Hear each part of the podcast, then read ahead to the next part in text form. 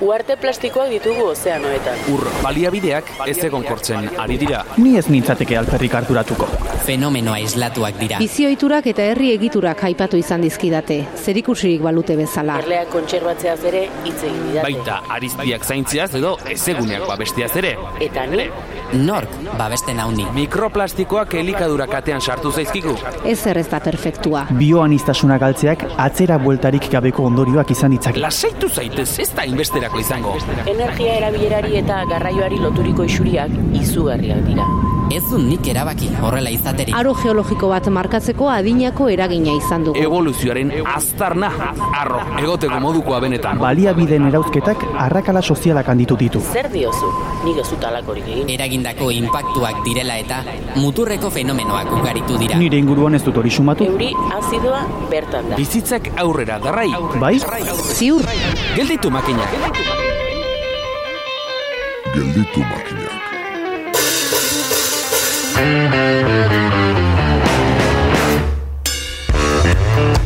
Inguruan beste subjektu batzuk dituzunean, konpetitzea edo kolaboratzea besterik ez omen duzu. Naturaren legea, diote. Agian, hori da individualismo neoliberalerako lehen harria. Tira, izaki bakartiak ez garelako kolaboratzeaz eta komunitateaz hariko gara, eta lagin gisa, ekilur tokiko monetaz hariko gara Alex Lopezekin. Komunitatean segiz, alazne arruti goienerreko kidea gonbidatu dugu. Iaz, komunitate energetikoen gaineko azalpenak emantzizkigun eta aurten martxan dauden esperientziez eta abian jartzeko prozesuez hariko gara. Era askotako komunitateak eta funtzionamentua daude, eta ale batzuek azeleratu asmo zator, gelitu makinak saioaren hogeita laugarren atala.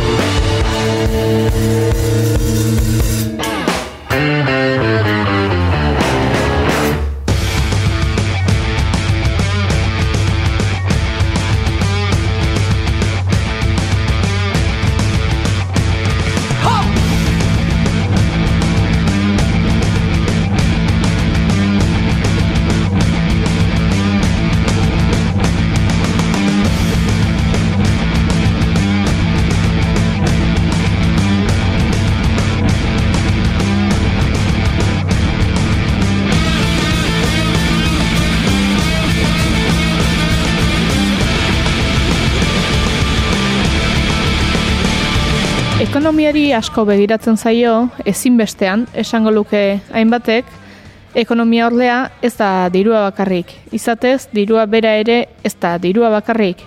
Tira, e, sarrera ahokora pilo bilakatu baino lehen, Alex López Morgado agurtuko dugu, besteak beste ekilur ekimeneko parte baita. Ongi etorri, Alex. Eta tira, asteagatik sistema monetarioa aipatuko dugu, Ekonomia ulertzeko hainbat teoria eta sailkapen daude, hoien nondik norako orokorrak emango altzen izkiguke. Bueno, gaur egun ekonomia azkenian dago oinarrituta nolabait bi, bi aldarritan, no? Esango nuke e, ekonomia erreala deitzen dana, hau da ekonomia fisikoa, ba, en, salerosketa eta gai fisikoak e, elkartzukatzen dituna, no? fisikoak edo zerbitzuak, eta gero daukagu ba, beste alderdi bat dela ekonomia finantzieroa deitzen dana. No? Ekonomia finantzieroa da nola bait, etorkizunetik e, karriko genukeen aberastasun e, moduko bat. Hau da, mm, diru bat en, uste maldin badigute, normalian e, bueltatu barko deu, diru hori, baino diru gehiago, hau da, interesaren gaia da hor tartean. Orduan, bueno, gaur egun ekonomia, ba, iaia guztiz finantziarizatua daula esan dezakegu. Zeren gaur egun zorra, daukagun zorra e, mundu mailan bada ekonomi fisikoaren ba, irukoitza edo pixka gehiago. Beraz, e, zor hori ezinezkoa da e, itzultzea, eta e, gaur egun egiten deuna da ba, jokatu nolabait bola hori e, ba, ikusteko aber noaino aiatzen dan, eta ziur asko, ba, bueno, e, asko zeurrutiago ez gaiatuko, ze azkenian horren besteko zorra ez dauka inolako zentzurik. Eta orduan, bueno, gaur egungo gizarte antolaketa horren inguruan, ba, ikusten deu ze zertan datzan, ezta? Gaur egun e, ikusten da e, dirua eta eta horren inguruko garrantzia ba, emate zaiola gure bizitzako ba, alderdi gehienetan. Eta ondorioz ba, horrek eragiten du bai gure esango genuke giza konportamenduan e, besteekiko. Orduan ba, bueno, ez dakit, pixka bat e, alderdi hori ja soziologi mailan sartuko gainateke eta bueno, hori daude ba, hainbat teoria eta hainbat gauza. Baina, bueno, pixka zentratzeagatikan e, tema nola relazionatu ba, dirua ba, beste, beste gai garrantzitsu batzukin gaur egun dauzkagunak, ba, dibidez hitz egin dezakegu, ba, bueno, e, larrialdi e, ekosozialaren e, inguruan. No? Nola relazionatuko genuke gaur egun degun mm, sistema monetarian nola egiten duen ba, larrialdi horretan. Ba, loturarik, e, lehen begiratuan esan daiteke urruti xamar gertal litezkeela. Bai, en, nola baiten, jende gehiena zeituan oso, oso azkar lotzen du adibidez e, gaur egungo badiz larrialdi, klami, e, larrialdi klimatikoa erlazionatzen du berehala e, erregai fosilekin eta e, CO2-ren konzentrazioaren e, igoerarekin. Baina e, jende asko ez du erlazionatzen horren errex gai hori ba, e, zergatikan e, nolabait kontsumitzen dugun horren beste erregai fosil, ezta? Orduan, azte gehanean pixkatori sakonago aztertzen, ikusten dugu gure e, sistema sozioekonomikoak behar dula etengabeko askundea. Etengabeko askunde horrek baita ere eskatzen du e, da, zeren da askunde e, fisiko bat, hau da, e, ez da o desakoplamendurik gaur egun e, daude zenbait e, esan dezagun e, teoria esateutena ba bai de, desakoplatzen nahi dela en, askunde ekonomikoa e, askunde fisikotik. Baina hainbat e, estudio atatzen nahi dira nun e, frogatzen nahi dira hori ez da ez dela ez dela horrela ezta egiten nahi gana kasu askotan da agian e, askunde fisikori hirugarren herrialdetara eramaten eta gu nolabait bakarrikan gelditzen ba e, askundaren parte ba, garbilenakin, ezta? Badibidez, externalidade asko bialtzen egea kanpoko herrialdetara eta horrek e, egiten duna da nolabait gu e, gure mm, energia kontsumoa eta CO2 ekoizpena ba, txikiagotzea, naizta gure ekonomia handitzen jun. Baina bere egiten egena da, kanpora bideratzen e, konsumo hori. Beste batzuk e, kutsatzeko, eta gero guk e, kutsadora hori e, ez jasateko modu zuzenian, baiten dena da gero ba, landutako materiai, ba, gero gu, gu ekarri gure ekonomiara. Baina, bueno, e, pixkate desbidatzen nahi naiz gaitikan. Asuntoa da, e, askunde ekonomikoak eskatzen dula e, askunde energetikoa. Hau da, e, geroz eta energia gehiago konsumitzea. Eta grafikoa oso argi da. Osa, en, barne produktu gordinak e, duen askundea eta mundu mailan energia duen askundia diagrafiko e, ia korrelazio perfektua dutena. Eta horri horrela da eta ba, edo zeintokitan e, argi ikus daiteke. Eta aldi berean energiaren e, konsumoaren e, grafikoa baita ere dauka ia korrelazio perfektua e, CO2 e, gehikuntzaren e, grafikoarekin atmosferan. Ondorioz, e, ikusten da e, aldaketa klimatikoaren e, eragile nagusiena dala askundea. Eta askunde horrek egiten duna da gure e, sistema ekonomikoak eragiten duen e, ondorio bada. Beraz, e, esan dezakegu, askunde, askunde, gure askunde ekonomikoak e, bultzatzen dula e, aldaketa klimatikoa. E, zuen proiektuak ekilur, bertan sartu nahiko nuke, baina e, txosten bat kaderatu duzue, sistematik arago izenekoa, eta bertan aipatutako esaldi bat aterata trukerako baliabideak zirkulatu egin behar du erabilgarria izango bada. Hala irakurri dugu. Ez aldu esaldi horrek berak kontsumitzera bultzatzeko deia egiten? A ber, alde batetik gu kateatako e, txostenian egiten deuna da, esaten deuna da, e, diruak berreskuratu behar dula jartorrian zuen e, funtzioa. Eta dirua zeukan, jartorrian zeukan funtzioa, zan bakarrikan e, trukerako erabiltzen zen e, tarteko zerbait. Etzan helburu bat, baizik eta e, bakarrikan zen medio bat hori hori errasteko, ezta? Orduan, e, guk esaten dena da, e, egin bar deuna da, nolabait ekonomia en, mm, aldatu behar dugu. Gaur egungo akumulazio ekonomia batetikan, ze gaur egun e, egiten nahi gana da nolabait akumulatu aberastasun akumulatzen jutega eta geroz eta e, ezberdintasun handiagoa daude ez bakarrikan e, hemen e, lehen mundua deitzen diegun honetan baizik eta e, hirugarren munduarekiko ere bai e, dauzkagu geroz eta alde handiagoak. Horrek horrek e, nolabait da e, gure sistema monetarioaren e, ondorioa da. Hau da e, gure sistema monetario egiten duna da geroz eta e, diru eta benefizioak e, akumulatu, hau da, e, gure helburua ekonomian da, etengabe e, etekinak e, eskuratu. Ondorioz, e, etekinak horiek eskuratzeko, baiten dena da nola baite, demora guztian, ba, askundea bideratu, geroz eta e, diru, geroz eta kapital gehiago sortzeko. Beraz, en, guk proposatzen deuna da, e, diruari en, balioa gordetzeko funtzio hori e, kendu edo asko murriztu, azkenian zentzu ez izateko, e, hau da, dirua nolabait denbora askoan e, gordetzea. Eta nolabait diru hori mugitzera bihurtzea.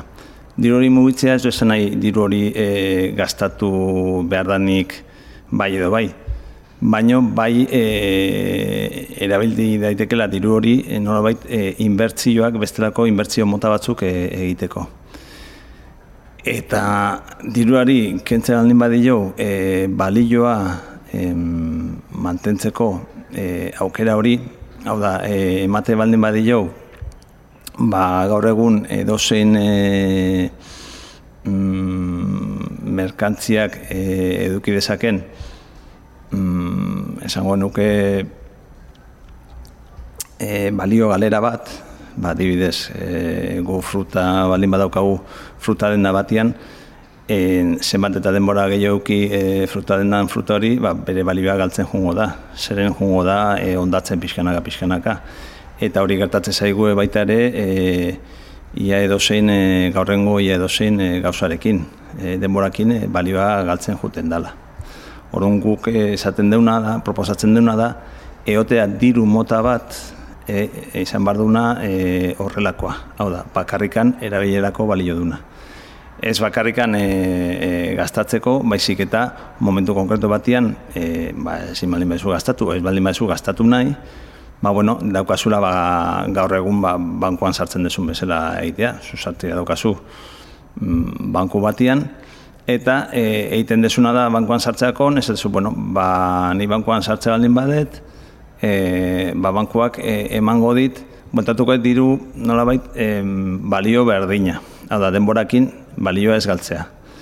Baina bankuan e, dagoen diru hori, claro, denborakin balioa galtzea baldin badu, ba, bankuak ba, prestatu inbarko du, eta prestatu barko du, edo interesi gabe, hau da, bueltatzeko diruko puru berdina, edo e, e, interes e, oso, oso oso txiki e, negatibo batekin, bagian diru kopuru txikiagoa bueltatzei zuena, baino e, agian zuk e, deposito bat eukitzagatikan e, bankuan, zimaz, bagian ez dizue bueltatuko balio kopuru berdina. Ez dakite, da pixka konzeptu eh, aldarbe zaula hitz egiteko, eh, baina, bueno, gu nahi deuna da frogatu, ea posible den horrelako eh, sistema bat eh, frogatu en, ekonomia realaren barruan, nolabait zirkuito propio batzuk eh, sortuta horren inguruan, eta aldi berean eh, horrek eh, ikustea horrek nola egiten duen e, pertsonen erlazioan. Hau da, guk e, diru honekin egiten deuna da nola, nola baite aurrena e, zirkuito bat e, sortzen du, zirkuito, zirkuito itxi bat. E, bueno, itxila edo, edo zirkuito propio bat, hobeto esan da. Zirkuito propio horren barruan diruak izango ditu e, arau batzuk. Guk e, kooperatibatikan e, markatzen ditugun arau batzuk. Eta kooperatiban, gure kooperatiban ba, parte hartuko duen e, edo zeinek, erabaki e, horietan e, parte hartu al izango duna. Eta bueno, oen pixka bat ba, ja sartzegatik ba, sisteman, sisteman azalpenian, ba, bueno, gukin deuna da, izan da gure sisteman, e, diruaren, e, vamos a decir, e, ezagarri hori e, aldatu, eta ez bakarrikan ezagarri hori aldatu. E, eman, di, eman dio baita ere beste e, tokiko txamponen beste zea batzuk, e, ezagarri batzuk. Hain e, zuzen ere, barkatu idazu, e, ekilur non mugitzen da, e, zen moneta honek zenbateko perimetro hartzen du? Bueno, hasiera batian, eh, aigea bifroga pilotu egiten, bat Bilbon eta beste Arnanin, baina gure ideia da e, Ego Euskal Herri mailan e, erabiltzea. Da Ego Euskal Herri mailan e, gure ideia da hor e, eukitzea e, sare bat, nun dan e, izango dan e, kilur sarea, baina gero hor barruan nengo dia, hainbat azpizare e, osatuko dutenak e, e, udalerri ezberdinek. Kasu honetan, ba, alde batetikan eukiko deu e, Hernaniko sarea, oain sortzen nahi geana, eta beste alde batetikan eukiko deu e, Bilboko aldezarreko sarea, ba, oain e, baitare egituratzen nahi dana. Gauza da, e, erabiltzaileak sare horre barruan e, erabiltzen dutenian e, behaien dirua, e, eukiko duten e, abantaiatako bat izango da, e, jasoko ituztela deskontuak e, sare horietan, horietako dendetatikan baino jasoko dituzten deskontu horiek bakarrikan berrera bilial izango dituzte en, sare, sare horretan, hau da, deskondua eman dien sare horretan, ezin gute beste sare batean ere bili. Orduan, e, bueno, era horretan egiten deuna da nolabait e, bultzatu e, jendea kontsumitzea bere inguruko e, denda dendetan. Eta e, horre gero, dauka bigarrengo ondorio bat. Hau da, guk e, erabiltzen denean ekilur sistema denda batean horrentzeko, dendan e, sartuko dan dirua, izango da ekilur sare guztian erabilial izango dan dirua, baino ezingo da nazaretik anatea, ez baldin bada, ba, bueno, e, tasa txiki bat e, ordainduta. Bai? Orduan, e, dendariak e, daukate e, bi aukera, alde batetikan, edo erabili en, saretikan jasotzen nahi dian diru hori berriz ere sarean bilatzeko proveedoreak, baino kasuntan ego euskal herri mailan edo e, daukate baita ere en, euroen gatikan behar bali maituzte aldatu ba, tasa txiki batekin, edo baita ere daukate em, erabiltzailei e, kargatzea mm, behai daukaten e, eki, eki orokorroiek, e, kilusare guztien erabili daitezkeneki orokorroiek kargatzea erabiltzaileei e, euren truke. Horrela ez lukete e, tasarik e, beharko eta nolabait egiten dena da berrera bili e, osea, e, euro horiek e, nolabait e, berrera, ber, berriro sartu e, zirkuituan ba, erabiltzaileen erabiltzaileen bidez.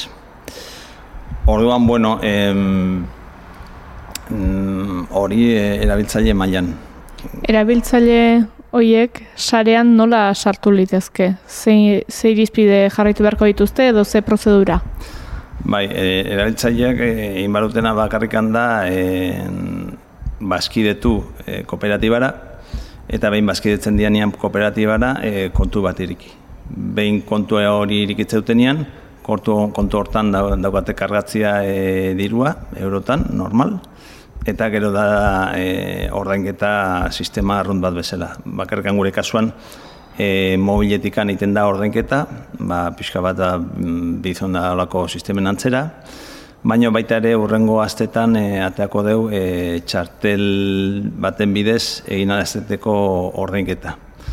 Eta em, hori atatzen dugu gehien bat da, mm, bagian, e, egon daitekelako jendia ez dana oso ondo moldatzen e, mobilarekin, edo agian ez daukala ba, horrelako mobilik, eta orduan ba, nola baite eseoteko ba, alako e, e, arrakala digitala edo deitzen dana, eta e, alik eta jendeina, jende gehienak ba, erabili ahal izateko e, sistema eta ez dauka hola beste munduko zeikan, da bazkidetzea. Bazkidetzea dia berrogeita mar euro behin bakarrikan jarri barriana eta kooperatibakatik ateatzea aldi mazea, ba, e, buentatzen zaizizunak, eta gero dauka e, urteroko koste bat, e, ama, ama boste euroko adana, ez dauka hola beste, beste kosterik. Eta hori da pixka bat, eta dendariak e, berdin, dendaria bazkidetu inbarko lukete, eta e, behin bazkidetuta ba, kontu bat e, irekik ilur e, sisteman. Gero on daitezke, mm, ba, sareak e, sortu daitezke, en, ba, herri bateko dendari guztia, ba, sare bat e, osatu dezakete, nolabait modu kooperatiboan en, funtzionatzeko behaien artean, eta eh, ez dauka beste, beste munduko misterioikan. Hau da, nola baita ematen dio e, dendari txikilei, ba, en, gaina salandiak e, daukaten e, fidelizazio erramenta potente bat. Badaude beste zenbait proiektu, beste zenbait tokiko moneta, txampon horiekin, moneta horrekin zer nolako harremana dauka ekilurrek eta zer nolako bereizgarriak. Bai, bueno, gu gaude hitz egiten noain en, euskoarekin. Euskoa da Ipar Euskal Herrian en, jadanik ustez zazpi urte da maskin e, proiektu bat. Proiektu oso asentatua dago, dauzka mm, mila mm, uste mila denda baino gehiago e, bertan eta hiru mila hiru mila pasatxo erabiltzaile. Eta e, udaletxeak bai, uste hogei, hogeita hamar udaletxe bai, e, hor bertan sartuta daudenak. Horun, eskoarekin e, izketan gabiltza, mm, beste proiektu bat e, bultzatu, bultzatu nahi, nahi dugu, behaiekin batea, dala en, beste sistema bat e, dendarientzako, hau da, e, kreditu komertziala erabili izateko dendarien artean, ba, Sardex eta WIR eta, bueno, en, Europa mailan dauden beste, beste eredu batzuk e, hartuta. Baina, bueno, oain, oandikan gaude, zera, e, azterketa fase batean. Behai egiten nahi dira azterketa, gu bakarrikan gaude, ba, pixka bate gure, gure ikuspuntua ematen hemendikan e, Euskal Herritikan, zeren Euskal Herrian daon e, errealitate ekonomikoa eta Ipar Euskal Herrian egon daiteken errealitate ekonomikoa ez dira berdinak. Ez berdinak dira, orduan, behaiek behar dute guk hemendikan eman diezaiok egun e, informazioa horren inguruan.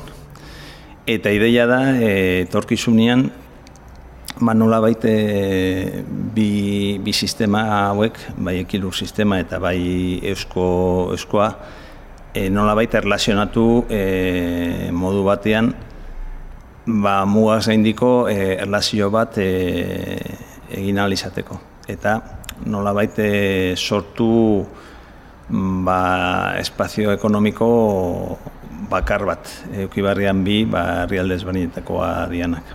Baina, bueno, hori bandikan e, aztertzen ari gauza bada eta, bueno, bandikan denbora pixkat e, duna.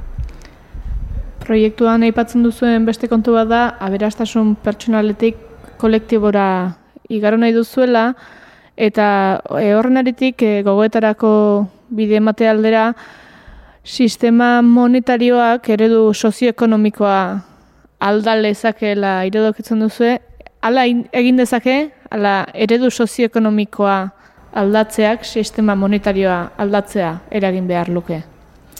Bai, bueno, da reflexio interesgarri bat.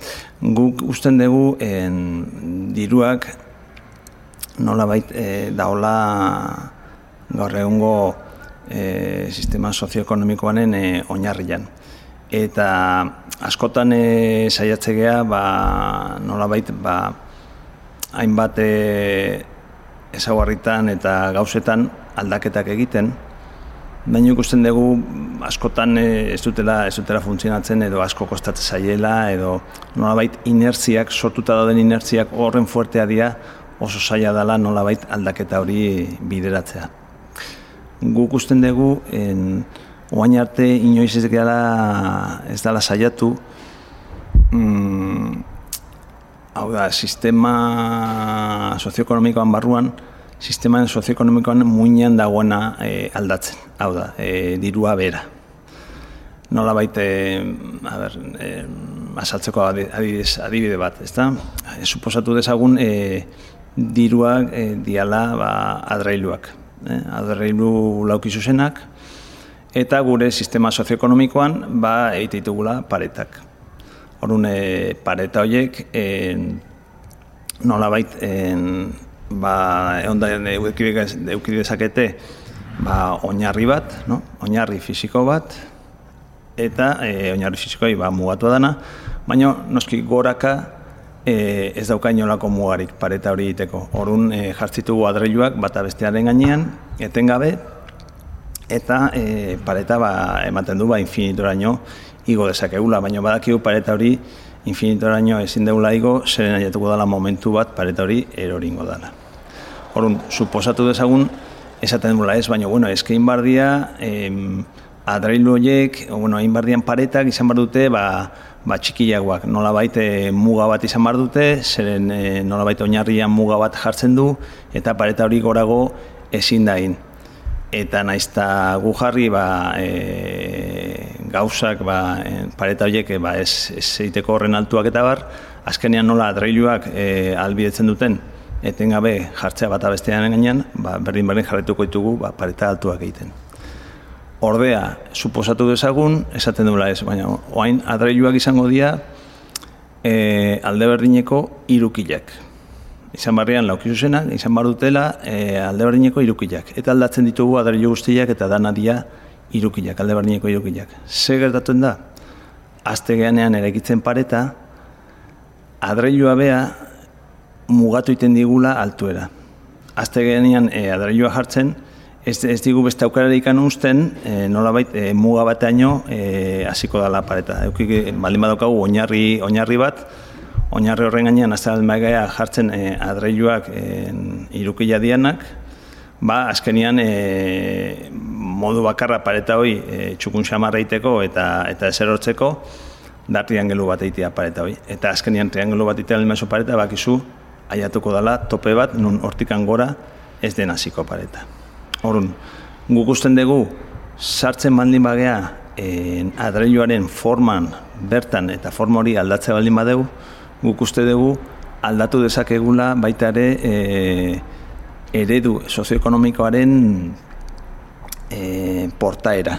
Hau da, modu e, e, intuitibo batian eta eta inolako e, aldaketa gehigarririk gabe, bakarrikan aldatuaz, ba, komentatu deun adreiluaren forma hori, diruaren ezagorri horiek, uste dugu aldatu dezakegula baita ere ereduaren e, nabait portaera.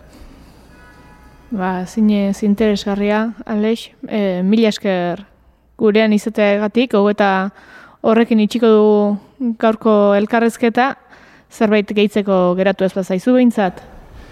Ba ez, ni uste aurrengo partia pixkat liosu xamarra izan dela, baina, bueno, ni, ni nahi da pixka bat e, bukaerako parteko e, erreflexio horrekin e, gelditzea. Hau da, nolabait oinarrira joate baldin bagera, baina oinarri oinarrira joate baldin bagera, e, agian e, posible dela e, aldaketa bat eragitea uste duguna baino erresago eta uste duguna baino azkarrago. Zeren azkenian e, bizi dugune egoerak mm, ez dauka oso, oso itxura ona eta uste dugu horrelako neurriak e, behintzat frogatu beharra daudela ikusteko ea, ea funtzionatzen duten edo ez.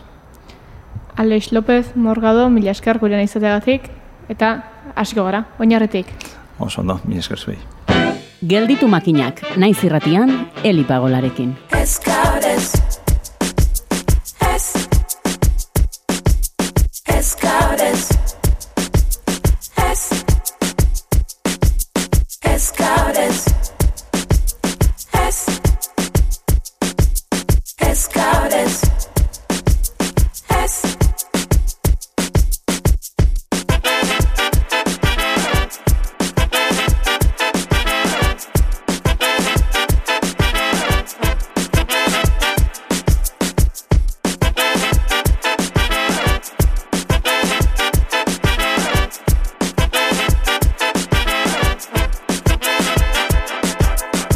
Lehen denboraldian autokontsumoaz eta energia komunitatez jardun ginen goiener kooperatibako alazne arrutirekin.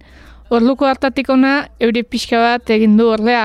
Horregatik, bueltan dator alazne arruti, komunitate energetikoen gaiari heldu asmoz ongi etorri alazne. Ongi etorri eta egunon. Tira, komunika, eh, komunitate energetiko ez orluko hartan aritu ginela esan dugu, baina pixka bat gogoraraztearen zer dira komunitate energetikoak? Bueno, e, kontuan hartu berdeu, komunitate energetikoen kontzeptua nundik datorren, e, izatez Europak definitzen ditun e, kontzeptuak edo tresnak dira, komunitate energetikoak, eta esan dezakegu, ba, bueno, e, Europar zuzentarau batzutan definitzen diala hauek, Eta azken finean, e, ba, bueno, trantsizio energetikoa bilatzeko ba, tresnak dira, ez? Ze ikusten da, e, menpekotasuna handia daula goa indikan ergai fosilekiko, e, gure kontsumoak oso handiak diala, eta nolabait horrei aurreiteko, ba, bueno, e, aukera moduan aurkezten dira. Ze gertatzen da, ba, Europak gauza bat diola, baina e, Espainiar estatuko legedietan oraindik ez dela islatu hori. Nolabait ez duten lur hartu e, legedi hauek edo Orduan, zer gertatzen da, oantxe bertan ez dakigula zehazki komunitate energetikoak nola arautuko dian en, estatu mailan. Baina, bueno, e, zuzentarauak egonda, ba, kontzeptuak e, nahiko garbi daudenez, ba, pixkanaka komunitate energetikoen gaia e, ba, zabaltzen hasi da gure artean, eta noski ba, eredu ezberdinak e, dazkau. Baina, bueno, e, kontzeptua hola laburra saltzeko, izango litzateke en, eredu komunitario baten, ez, e, kolektibotasunean, energian alorrean brutu nahi dian e, ba, ekintzak e, egiteko modua, ez, eta, e, bueno, batetik eukiko dugu, en, elburuak izango dira, zerbitzuak eta onurak bilatzea e, komunitatearentzat, onurak izango dira ekonomikoak, gizartearekiko edo bueno, sozialak eta ingurumenari ba, mesede egiten diotenak. Eta oso garrantzitsu da lehenengo ekonomiko hau esaten deunean, ekonomikoa eta finantzieroa desberdintzea, ez? Hauek irabazi asmori gabeko e, ekimenak izan behar dute, herritarretatik abiatutakoak, eta noski ba, lanpostuak sortu eta autosuficienteak izan behar dute ekonomikoki, baina bueno, finantzieroak ez du lekurik izango. Eskaintza dagokionez, ba, bueno, izango litzateke energian sektorean ekimen ezberdinak itea, eta bueno, horretarako ba, tokiko baliabideak edo e, baliatzea. Eta, bueno, e, bai bere izi berdiala bi kontzeptu, batetik egongo litzateke herritarren energia komunitatea, hau gauza zabalagoa edo izango litzateke, proiektiboekiko distantzia ere, ba, bueno, malguagoa edo ikusten da bintzat ematen dunan arabera. Baina beste bat izango litzateke ja, energia berriztagarrien komunitatea, ez? Eta hau ja zehatzagoa izango litzateke. Eta noski ba guk, e, bueno, goiener moduan, ba, ulertzen dugu teknologia hauek, ba, jasangarriak izan behar dutela, eta, bueno, ba, berriztagarretan oinarritu behar dutela. Eta azkenik, bueno, ba, partaidetzai dago kionez, ba, bertan parte hartuko dute, pertsonak, erakunde publikoak, pribatuak, enpresa txiki ertainak, handiak nahiko mugatuta egongo lirateke, Baina nolabait izan behar du beratik gora en, abiatzen den ekimen bat, e, ba hori anitza, alik eta partaietza anitzena izango duna, eta hori ba inklusiboa, e, nolabait. Aipatu duzun bezala, eraketa modu desberdin asko egon daitezke, baina komunitate hauek baute ezaugarri zehatzik, alegia demagun komunitate energetiko izateko energia ekoitzi egin behar dute komunitate hauek. Ez, e, lehenengo pausua edo izango litzateke forma juridiko bat eratzea, ez? Hau da, e, hori garrantzitsua da, autokontsumo partekatu hain dezakezuzuk zure bizilagunarekin, akordio bat adostuz, baina komunitate energetiko bat e, gauzatu nahi den kasutan forma juridiko bat behar da, ez? Hau da, zif bat, izen bat, estatutu, estatutu batzuk, eta hor garrantzitsua da azpimarratzea, ba, bueno, en, hor itmak egintzun azterketa bat, ez? Eta en, ikusi zan, Europan zuzentaragoak errespetatzen zituzten bi en, formak edo izango liratekela elkartea eta kooperatiba. Eta, bueno, guk e, batez ere ba, kooperatibak eratzen eta esperientzia daukagunez, ba, gure proposamena litzateke irabaziaz mori gabeko kooperatiba bat izate, ez? Orduan, ba, esan deguna, azken finean, estatuto batzuk egongo dira, en, adostu beharkoan nolengo dan parte hartzea, e, kapitala nola eratuko dan, e, bueno, bestelako e, guzti hori, ez? Eta, bueno, elkarteak ere izan daitezke, baina bai ikusten dela kasuren batutan, elkarte diren horiek kooperatibarantz bidea egiten ari dela, ba, bueno, azken finean, kontrol efikaza, ba, en, eraxago indaitelako, edo, bueno. baina, bueno, kasuan kasu, eh? azkenean komunitate bakoitzak bere koloreak eta formak izango ditu. Komunitate bakoitza bere forma eta koloreak izango ditu, baina zuek ze kolore eskala baten lekuko izan zarete. Martxen dauden komunitateak gertu xamar jarraitu dituzue, zer nolako komunitateak daude gaur gaurko edo ze adibide azpimarratuko zen dituzke? Bai, bueno, e, oantxe momentuan, okerezpanago, behatzi herrietan e, daudeola ekimenak, ja nahiko aurreratuta, Lehenengoa edo aintzindaria, guri dago keunez bintzat hernanikoa izan zen, hau dago aurreratuena, e, eta bueno, ja, momentu honetan, ba, forma juridikoa ja, en, en, erabakita dago, en, uste dut ofizial, ofizialkere ja en, onartu dutela, eta ja ari dira, e, ba, lehenengo proiektuak identifikatzen.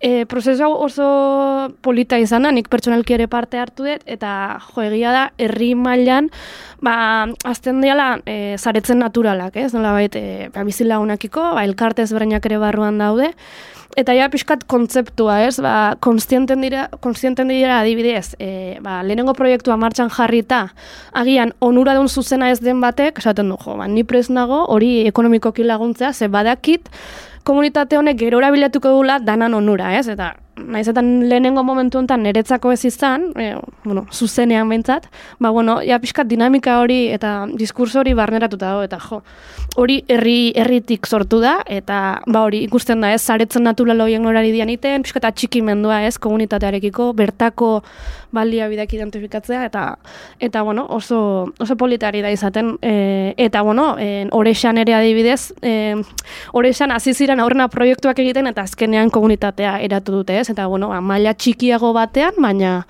baina baita ere, ba, herritarren parte hartzea ba, oso e, handia izan da.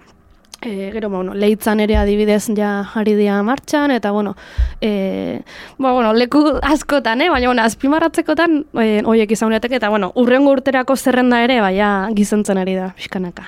Bai. Bigaina. Komunitate energetiko bat sortzeko orduan, prozesua sortzeko orduan, ze abantailekin topatuko ginateke? Ze abantaila ditu horrelako prozesu batek? Vale.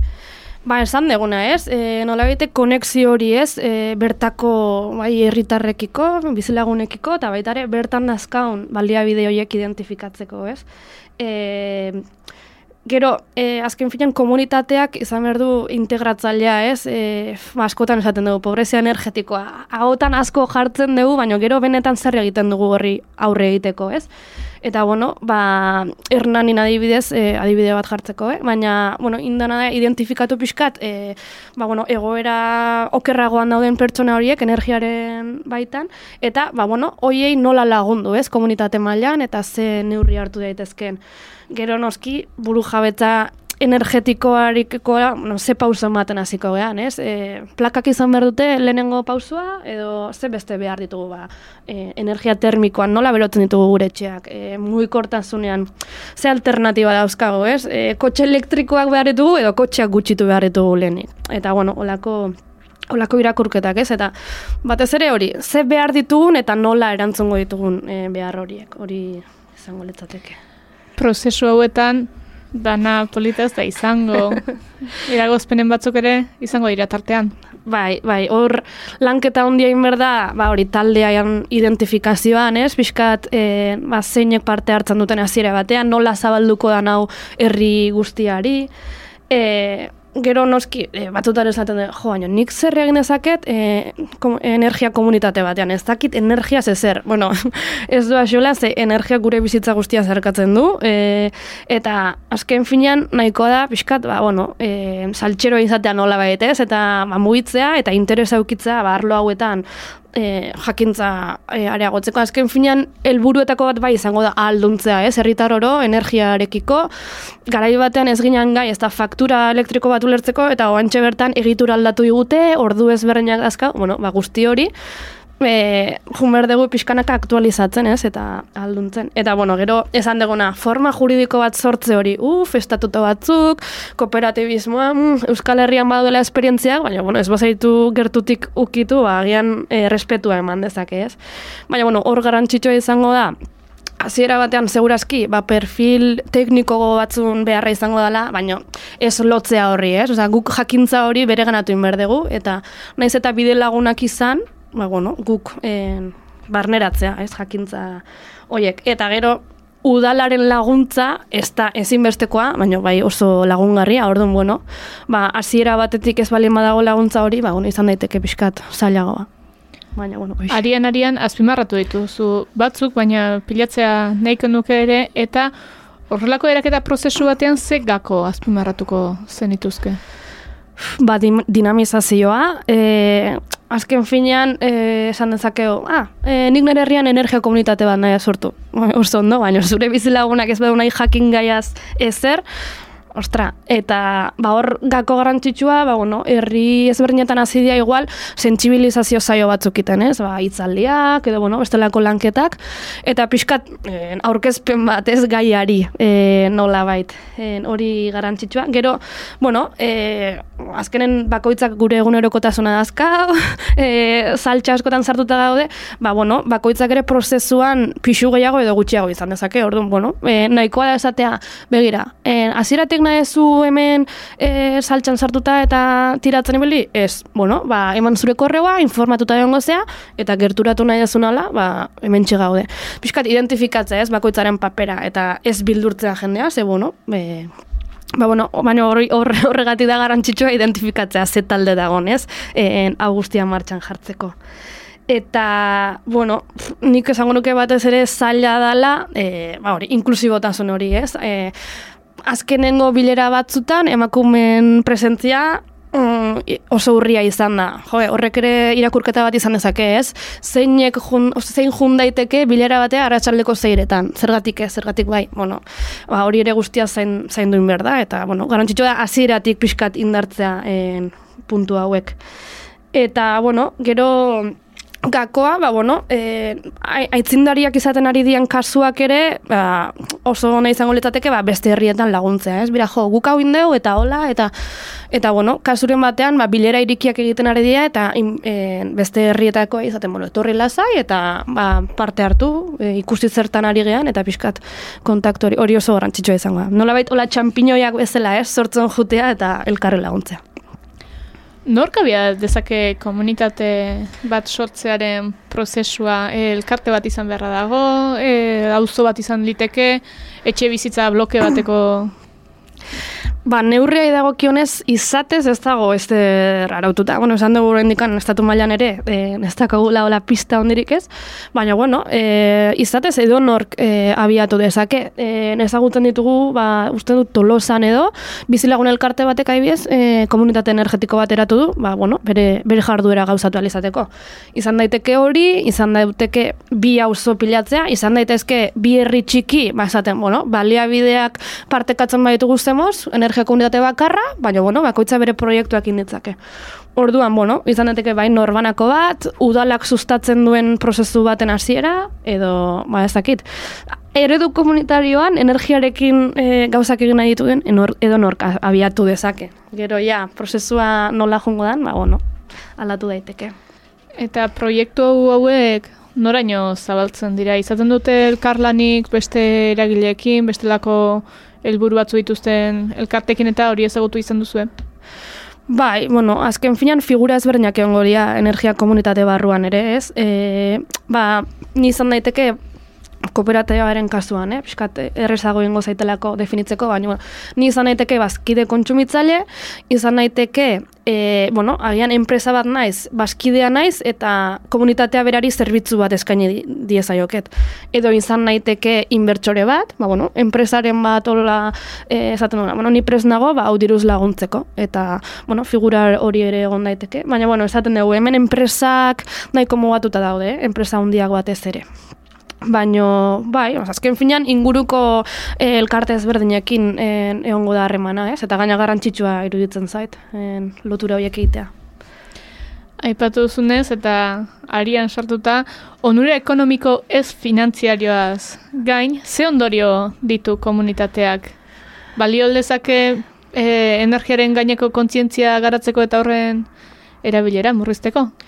Bai, eh, hemen azkenean iruditzen zaigu proiektuak izan behar dutela zerbait teknologikoa, baina lehenengo klabea izango litzateke inform, beharrezko informazio guztia eskaintzea herritarrei, e, ba, prestakuntza egitea, energiaren inguruan alduntzea, e, pixkat kontziente izatea, ez? E, zer, eragin, zer eragiten dugun inguruan, nola kontsumitzen dugun, nola aldatu dezakegun gure kontsumo eredua, eta gero hasiko gehaia proiektuak egiten agian, ez? Baina, bueno, nik uste hori hasiera hasieratik landu berdan lerro bat dala. Gero egia da, errastasunagatik eta legedian ere aldaketak egon dialako, ba, autokontsumo partekatua izan dela lehenengo hola, proiektu ikusgarrienak hortik ari dia izaten. Baina nik uste dut kontzientzazioa, efizientzia energetikoa, pobrezia energetikoa, lerroiek hasiera hasieratik abiatu behar diala. Eta gero ja, proiektu tekniko gogo bat egin behar bada, ba, hoi erantzuteko edo laguntzeko, ba, oso ondo. Baina, bueno, hori, plakak ez dira energia komunitate bat, nola bait. Atzean mamia handia dago, eta oso garrantzitsua iruditzen eta azpimarratzea. Autokontsumo partekatua, edo zein momentutan egin daiteke, energia komunitate baten barruan edo kanpoan. Orduan hoxe. Ba, alazne arruti, ba, e, ba espada galdetu egingo dizutea beste zer baduzu gehitzeko.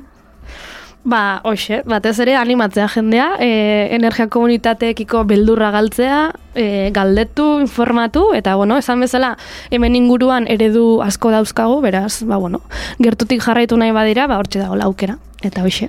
Ba, alazne arruti, goiener kooperatibako kidea, mila esker gurean energia berriztagarrien komunitateak izketa gai hartzeagatik, eta bizitza komunitario baterako bidea zabaltzeagatik. Hor zuei, urren arte.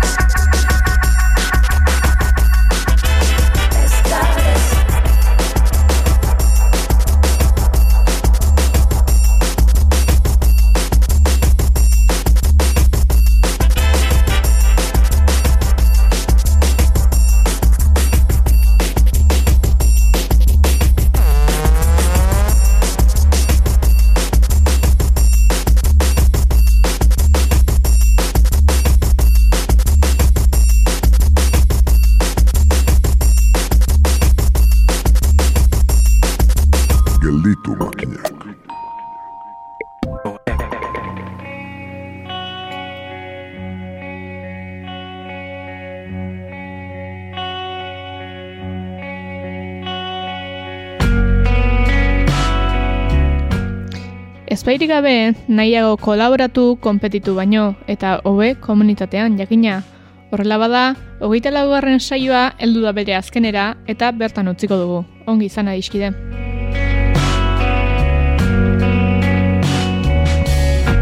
Hipodromo isila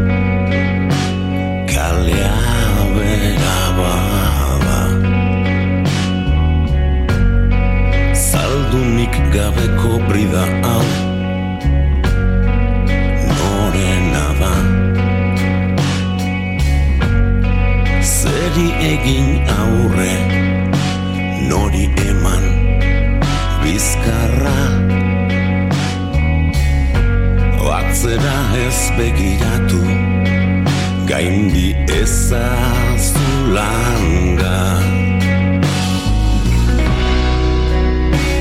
zigorrari. Zigorkaba zaldi emozionalak gara.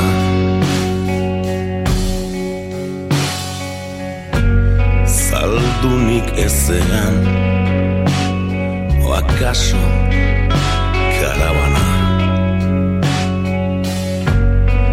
Dada ma lagun gurdian nordea brudua ba zango pea daukat ferraz ongi joa. Hiltze ekin josita daude gure asmoa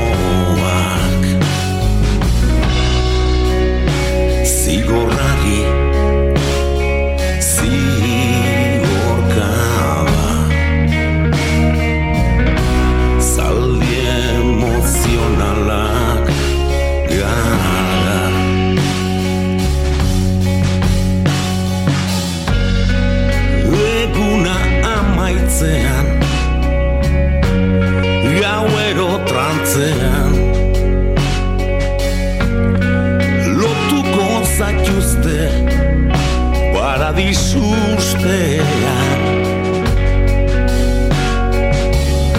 Tortura goxo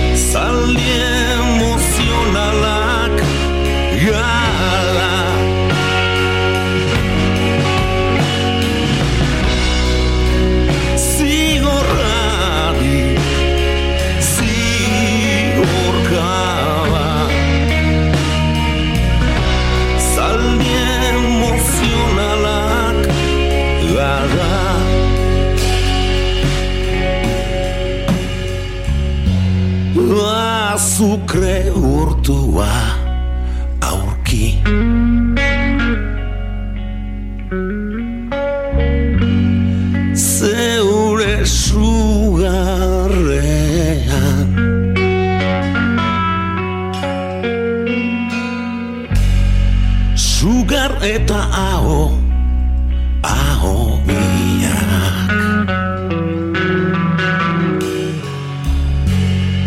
urtu zan